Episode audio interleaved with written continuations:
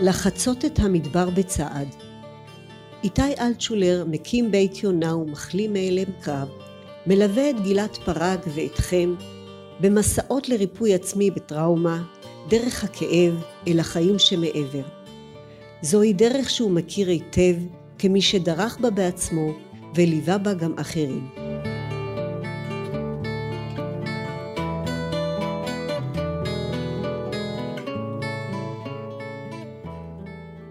פרק 13 גילויי משמעות בתהליך ובחיים וההתחברות אליה.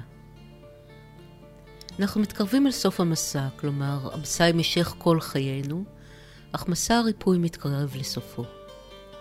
איתי קורא למסע הזה לחצות את המדבר, ולי נראה הזמן הזה כמו התקרבות אל החוף. הגלים הגבוהים של ההתרגשות הבלתי נשלטת אלה ששאבו את כוחותינו להישרדות קטנים. הים שקט והיבשה מתגלית. וכשסוף המסע מתקרב אנחנו שואלים את עצמנו, ומה הלאה? זה הזמן שבו מתחילים לחפש משמעות. משמעות למסע שעברנו. מתחילים לגלות את הערך במאמץ שהושקע במסע, והרווחים המפתיעים מכיוונים בלתי צפויים. ומשמעות של החיים בכלל. מחפשים, ובדרך כלל גם מוצאים, כיוון בעל משמעות, שישלב את ניסיון החיים והמסע בחיים מלאים, שצורתם מתחילה להיפרס מולנו. עוד מעט נשוחח עם איתי על מה זו משמעות, ואיזה סוגים של משמעויות ישנם, על משמעות שנגלית לאורך המסע וזו שבסופו, בכלל, האם מחפשים אותה או שהיא מתגלית? אבל קודם כל נפגוש שוב את ירון שחש הרבה פחות אבוד. הוא מצליח לזהות את שינוי נקודת המבט שלו על העולם ועל תפקידו בו, ורוקם עתיד עם חלומות ותוכניות. קריינות, סימה אלטשולר.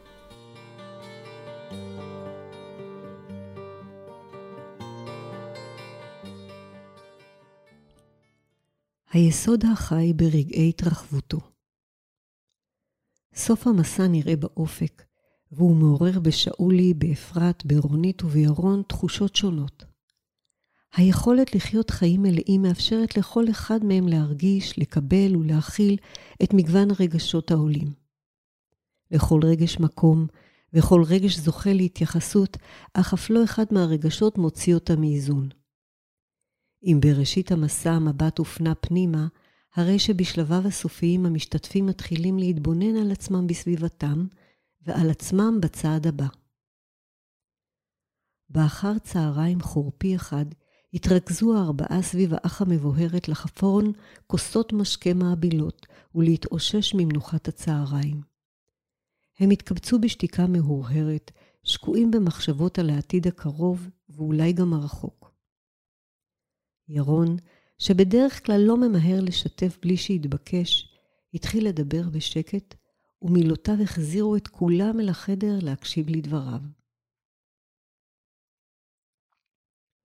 המסע כאן מתקרב לסיומו, אך לא המסע האישי שלי, אולי הוא רק עובר שלב. אינני מרגיש אבוד כמו שחשתי קודם. אני מרגיש שיש לי כלים להתמודד עם המציאות ולהיפגש עם עצמי. עוד לא נפרדנו ממש, אבל אני כבר מתגעגע אליכם. הפתעתם אותי, ולימדתם אותי המון. כפי שכבר אמרתי ולא הבנתי זאת קודם, רעות אמיתית לאו דווקא נקנית בדם וזיעה. רעות אמיתית לאו דווקא נצרבת באור ברגעי אימה, חירום ומלחמה.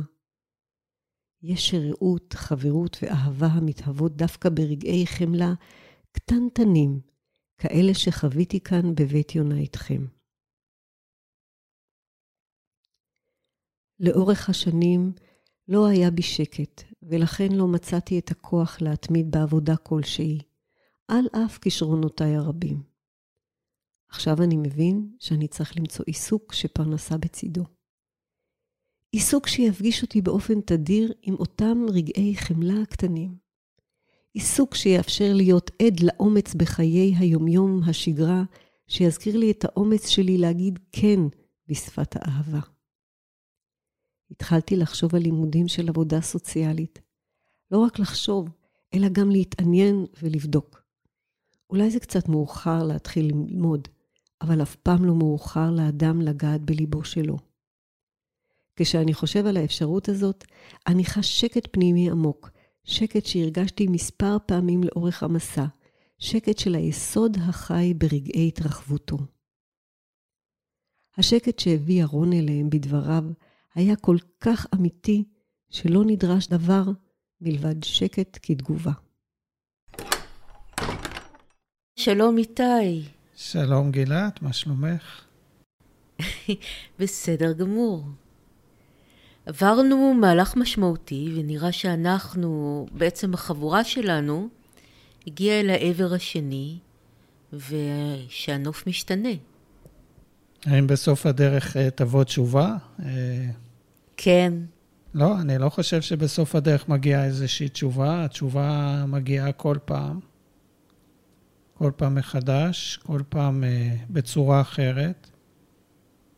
אפשר למצוא המון משמעויות קטנות בתוך המסע, ומה שאנחנו הולכים לדבר היום זה על המשמעויות בתוך המסע והמשמעויות בחיים בכלל. אה, לפעמים זה קורה במהלך המסע, לפעמים זה קורה אחריו, ולפעמים זה בכלל לא קורה, זה גם אפשרות. אז מה זאת המשמעות לגבי ירון? ההבנה של אה, העבודה שלו כייעוד? לא, המשמעות אה, לירון זה היכולת להיות רגיש וקשוב ומתרגש מהדברים העדינים ומהרגשות העדינים של הזולת. העבודה כעובד סוציאלי מאפשרת לו על בסיס יומי לפגוש את המצבים האלה. היא למעשה תמונת מראה של העולם שהוא ממנו נמלט, העולם הצבאי, עם הגישות, עם התפיסות כוח, עם הווליומים החזקים, לעולם אחר שיש בו אולי דרמות גדולות, אבל uh, גם uh, דרמות מאוד קטנות ועדינות והמון מעשי אומץ אזרחיים. ושם הוא מוצא את המשמעות החדשה מבחינתו לקיום שלו, ואולי לקיום בכלל. איפה מחפשים אותה? אם אני הולכת לחפש סביבי משמעות, איפה אני מחפשת אותה? המושג אה, אדם מחפש משמעות הפך להיות מטבע לשון, וכל פעם שאנחנו מדברים על אה, משמעות, אנחנו מדברים על חיפוש אחר משמעות. להבנתי, המשמעות היא לא דבר שמחפשים אחריה, אלא שכשאנחנו נעים ומתרחבים והלב שלנו נפתח, המשמעות נגלית לנו. והמשמעות יכולה להיות אה, קטנה כגדולה, אישית כציבורית, וזה לא דומה למסע שבו אתה הולך לחפש אחר עצמך, ואחר כך אתה במסגרת המסע הזה הולך לחפש אחר המשמעות. גם אתה, אם אתה תהיה מספיק פתוח, אתה תגלה את עצמך, ואתה לא צריך לצאת למסע מהסוג הזה של חיפוש עצמי. אולי של גילוי עצמי כן, אבל לא של חיפוש. ואותו דבר נכון גם לגבי האספקט הזה של המשמעות. העולם הוא לא עולם מלא משמעויות שאנחנו צריכים לגלות בו בתוך העולם את המשמעות, אלא אנחנו למעשה אה, רואים את העולם באדישותו, ויכולים לבחור למה ובמה אה, לשים את המשמעות, או להעניק משמעות לדברים שקורים בעולם.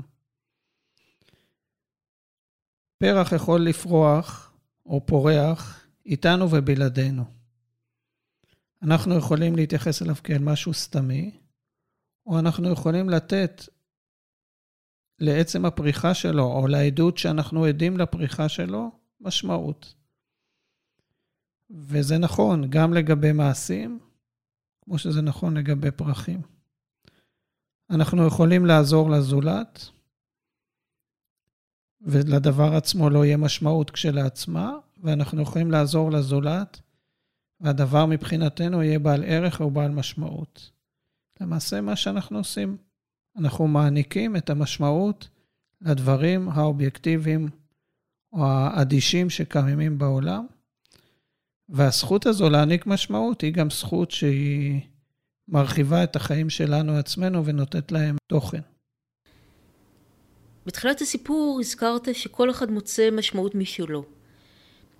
אז אם אתה יכול קצת לספר יותר, נגיד על אפרת או על רונית. תראי, אני, לא, אני מניח שגם לאפרת וגם לרונית יש משמעויות נוספות ממה שעולות מתוך הסיפורים שלנו, ו... אבל אם אנחנו אה, נדבוק בסיפורים, אז נראה ב, למשל בסיפור של אפרת, שהיא מוצאת משמעות בחיבור לנשיות שלה, לאמונה בגרסה הנשית של האמונה היהודית. והדברים האלה, פתאום הרציפות שהיא מצאה בשורשים, שדיברנו עליהם בפרק אה, הקודם או הלפני הקודם, אה, הופכת לדבר משמעותי מבחינתה. ובעל ערך שיש בו גם אפשרות לתת משמעות למי שהיא, וגם אפשרות להתרחב ולהגדיל את אה, סך המשמעות וסך המעשים שלה. אז אם אני רוצה רגע לדמיין את אפרת במצב הקודם, אם קודם הייתה משמעות בפעולה שלה בטיפול של הילד, בילד, היא במשמעות של הנתינה לילד, עכשיו המשמעות היא חלק מאיזשהו רצף יותר גדול של אה, חיבור לדורות הקודמים ולמשמעות שלה כאישה. זה, זה תיאור נכון? זה תיאור נכון, אבל אם אנחנו נתמקד רגע בטיפול בילד, קודם, אני חושב שהיא הייתה מותנית לטפל בילד. היא לא השליכה על זה משמעות, זה היה מין צו קיומי כזה, כמו שהיא טיפלה באימא שלה והיא טיפלה בילד. והיא הייתה קשובה לכל האנשים בתוך התוכנית באותה התניה. היום אפילו הטיפול בילד הוא יהיה, יהיה ממקום אחר. ממקום של בחירה ולא ממקום של התניה. והמקום הזה של הבחירה מאפשר לה לתת לטיפול עצמו גם אה, מימד של משמעות וערך. וזה נכון לעוד פעילויות שבו אדם מוצא את השמו ו... אה, ורואה במציאה הזו, מוצא את הדברים שהוא מוצא, הוא מוצא בהם גם משמעות וערך. הבהרתי את עצמי. אני חושבת שכן, יש כאן, אבל אני רוצה להדגיש את זה, יש כאן איזושהי, איזשהו מוטיב חוזר, שהוא נורא נורא חשוב בעיניי, זה שנושא הבחירה. כמו הבחירה איך להרגיש, איזה רגש אני פוגש, מתי, לעומת מקום של חוסר שליטה שהיה לי קודם, אז גם עכשיו הפעולות שאני עושה, גם עם אותן פעולות, אני בוחרת לתת להן משמעות. המשמעות לא נופלת עליי, אלא המשמעות היא סוג של אה, המשך של תהליך היכולת שלי לבחור בדברים. אני חושב שאת אה, מדברת על נקודה מאוד אה, משמעותית, שאני לא יודע אם הדגשנו אותה מספיק לאורך השיחות האלה, אבל המעבר ממתמודד עם פוסט-טראומה שהחיים שלך מצומצמים, מוגבלים ומותנים, למצב שבו אתה מבריא, זה מצב ממעבר מהתניה אה, לבחירה, מהגבלה לבחירה, מכל דבר אחר לבחירה. ולמעשה, כשאנחנו חושבים על מה זה אדם, מה זה אדם שלם, מה זה חיים שלמים, זה למעשה האדם שהוא ריבון על חייו, והוא יכול לבחור. בכל מצב נתון, איך להגיב אליו ו...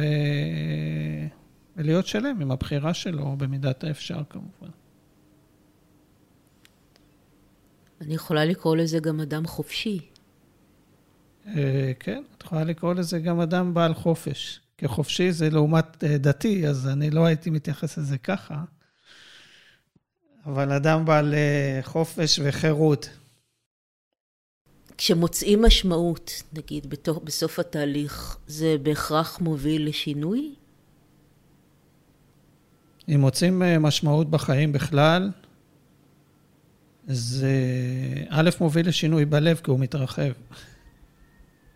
ולפעמים זה מוביל לשינוי בתוך החיים עצמם, שאתה הולך בעקבות המשמעות ועושה פעולות בעולם.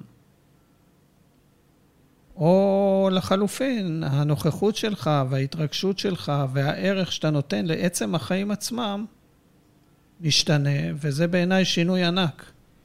זאת אומרת שאתה מרגיש אה, שחייך הם משמעותיים, זה, זה שיא האנושיות בעיניי ומשאת לב של הרבה מאוד אנשים. אתה מדבר כאן על מצב שנשמע כמו ההפך מתחושת דיכאון. כן, הדיכאון הוא ייאוש וחוסר תוחלת, ובשביל מה, ולמה לי, והכל שחור. והמשמעות היא באמת uh, המצב ההפוך. וואו, אני נמצא בעולם. עצם הקיום שלי בעולם הוא משמעותי, הוא בעל זכות, לא בהכרח בגלל מה שאני עושה, אלא בגלל עצם הנוכחות, עצם העובדה שאני יכול לראות את הפריחה, לנשום את האוויר, לראות את הילדים שלי גדלים, לראות את עצמי מזדקן, וכך הלאה וכך הלאה. וכמובן שיש דברים שהם מעבר לאספקטים האלה. ואדם שהוא מגלה משמעות, או אה, חווה את המשמעות, הוא כבר אה, מחוץ לדיכאון. מה שחשוב להבין, שלפעמים המשמעות היא... יש הסתר פנים במשמעות. זאת אומרת שאתה לא תמיד מסוגל בכל רגע נתון לראות את החוויה הזו. אבל בזמנו אמר לי צייר שמאוד הערכתי אותו, אברהם אופק, אמר לי משפט מאוד uh, טאוטולוגי, שמסביר את עצמו, אבל הוא מדהים. זה שמה שאתה יודע, אתה לא יכול שלא לדעת יותר. וברגע שידעת על קיומה של המשמעות, גם כשאתה בשלב של הסתר פנים, שאתה לא חש אותה, לא מרגיש אותה, אתה יודע שהיא קיימת, תדע לחזור אליה. אה, ולמצוא אותה בתוך העולם. אני זוכרת את זה כחוויה מאוד חזקה שקרתה לי על החוף בגואה. ספרי לנו. שעברתי שם איזושהי חוויה שבה חשתי פתאום אה, שקט מאוד מאוד גדול. השארתי הרבה מאוד אה, אה, ציפיות, מתחים, חרדות בבית, וזאת החוויה הוויזואלית שהייתה לי, וגם פיזית, זה שחוויתי שכוכב קטן נופל ונכנס לי לתוך כף הרגל, וזה הכוכב של, ה, של השקט. וה... מה שחשתי זה שלא משנה באיזה סיטואציה אני אהיה, אני אזכור שיש נקודה אחת של שקט בתוך הגוף שהיא שלי. Mm. ואליה אני יכולה לחזור. אה. אז זה סוג של אה, אה, הערה קטנה, אתה יודע, ברמת הנקודה. רמת הכוכב. אני לא מתיימרת לי, ברמת הכוכב הקטן, הנקודה אבל ברגל. אני לא מתיימרת להיות מוארת, אבל כשיש נקודה אחת של אור כזאת קטנה, גם, גם כשחשוך ואתה יודע שהיא נמצאת שם, אני הרגשתי שזה נתן לי כוח מאוד גדול. ורציתי לשאול על, על נקודות כאלה, האם בתוך המסע, אתה מתאר את זה סיטואציה שהיא לא דיכוטומית, זה לא שאתה, או שאתה נמצא בתוך הכאב של הפוסט-טראומה, ואז, אתה יודע, מגיעים לקצה ופתאום הנוף נפתח, אלא שיש אה, אה, תובנות ומשמעויות שעוזרות ומלוות אותך לאורך, לאורך הדרך. כן, ואני קורא לזה חוכמת הדברים הקטנים, זה מאוד מזכיר את הכוכב שלך. ומה שקורה בחוויה טראומטית,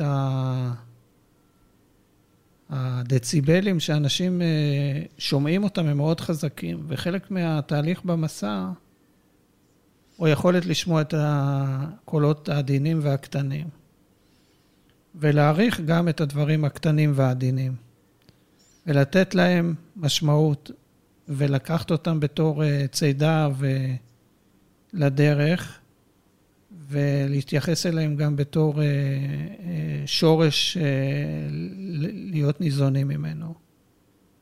ולאורך המסע, גם כשאפילו בהתחלה, שאתה עדיין בלב ה... נקרא לזה לב הכאב, אתה יכול לפעמים לראות רגעים כאלה, וזו הסיבה שאתה גם ממשיך בו. כי אם לא היית רואה את הרגעים האלה, או אתה אה, מחכה לגאולה, הסיכוי הגדול ביותר זה שגם תתאכזב ותשפוך את התינוק עם המים. ולכן אה, אנחנו מתרגלים גם על ידי פתקים אה, בחדר, וגם על ידי יומן, וגם על ידי תזכורות, וגם על ידי אה, חבר טלפוני, או תמיכת עמיתים, כמו שהזכרנו בפעמים הקודמות. את התזכורות האלה, להזכיר את הרגעים האיכותיים של החוזק, של הכוח, של המשמעות, לאורך המסע, וכשאתה מתרגל לעצמך את זה לאורך המסע, גם כשיסתיים המסע, תהיה מתורגל להזכיר לך את הרגעים האלה, כי העולם הוא לא עולם רציף וקו ישר שמאחריו יש עושר גדול, אלא יש בו חלקים והתמודדות. אבל השאיפה שלנו זה לעבור מהגלים הגבוהים אל אדוות קטנות של ים שקט. אתה רוצה שנדבר גם על, ה...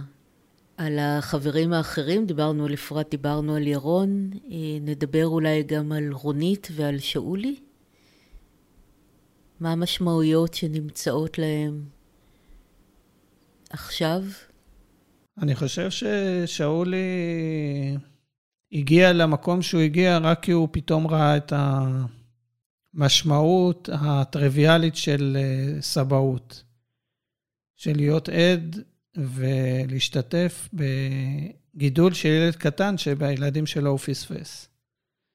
ובשביל לראות את המשמעות הזו, במובן של משמעות, לא רק של התרגשות ו...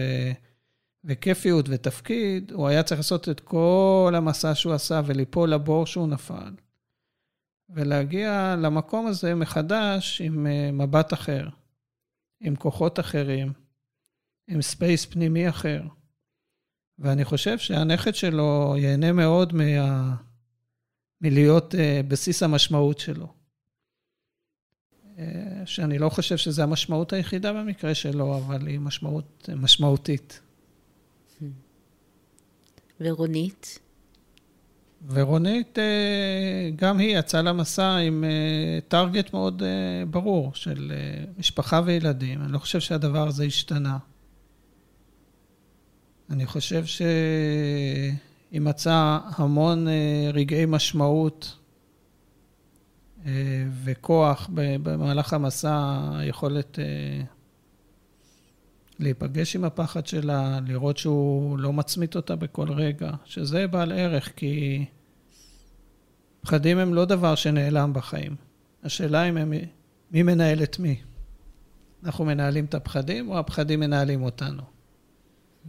ואני חושב שרונית, בין השאר, מצאה את המשמעות ביכולת לבחור מי ינהל את מי. מצאה משמעות ביכולת שלה אולי לראות אה, שיש גברים ויש גברים. יכולת שלה לראות לא דרך, אה, רק דרך החוויה הקשה שהיא עברה, אלא דרך ההתנסות הממשית בעולם והיכולת שלה לא להשליך על העולם את החוויה שהיא עברה, ולראות אה, אנשים כפי שהם ולא כפי שהם מייצגים משהו. Mm-hmm. בעוד שני פרקים אנחנו נתייחס לרונית, נבין קצת יותר עמוק את המשמעות שהיא אה, צברה במסע הזה, ואני לא רוצה לעשות ספוילר, לכן אני לא מפתח את הנושא שלה. אם אנחנו כבר מדברים על אה, מה הולך לקרות הלאה, אז אה, מה הולך לקרות בפרק הבא? בפרק הבא אנחנו הולכים לדבר על האינטגרציה של קו פרשת המים של הטראומה. של האני שהיה לפני הטראומה, ואני החדש שנולד או התחזק או התגבש במסע הריפוי, ואיך זה הופך להיות אני אחד. שיש בו את האיכויות של אה, שני צדדים של קו פרשת המים. שזה שלב מאוד מאוד אה, חשוב ומשמעותי בהשלמת ההבראה. אני מחכה בקוצר רוח והמון המון תודה, ולהתראות בפרק הבא. להתראות בפרק הבא, ושהוא יהיה פרק אינטגרטיבי.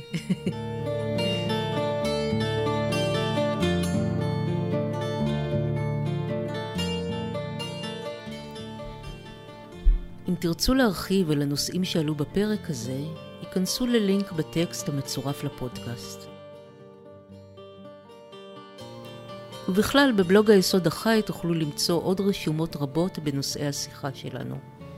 וזה גם הזמן לספר לכם שתוכלו להצטרף למסע ריפוי עצמי מפוסט-טראומה בכל זמן שתרגישו שאתם מוכנים לצעד הראשון.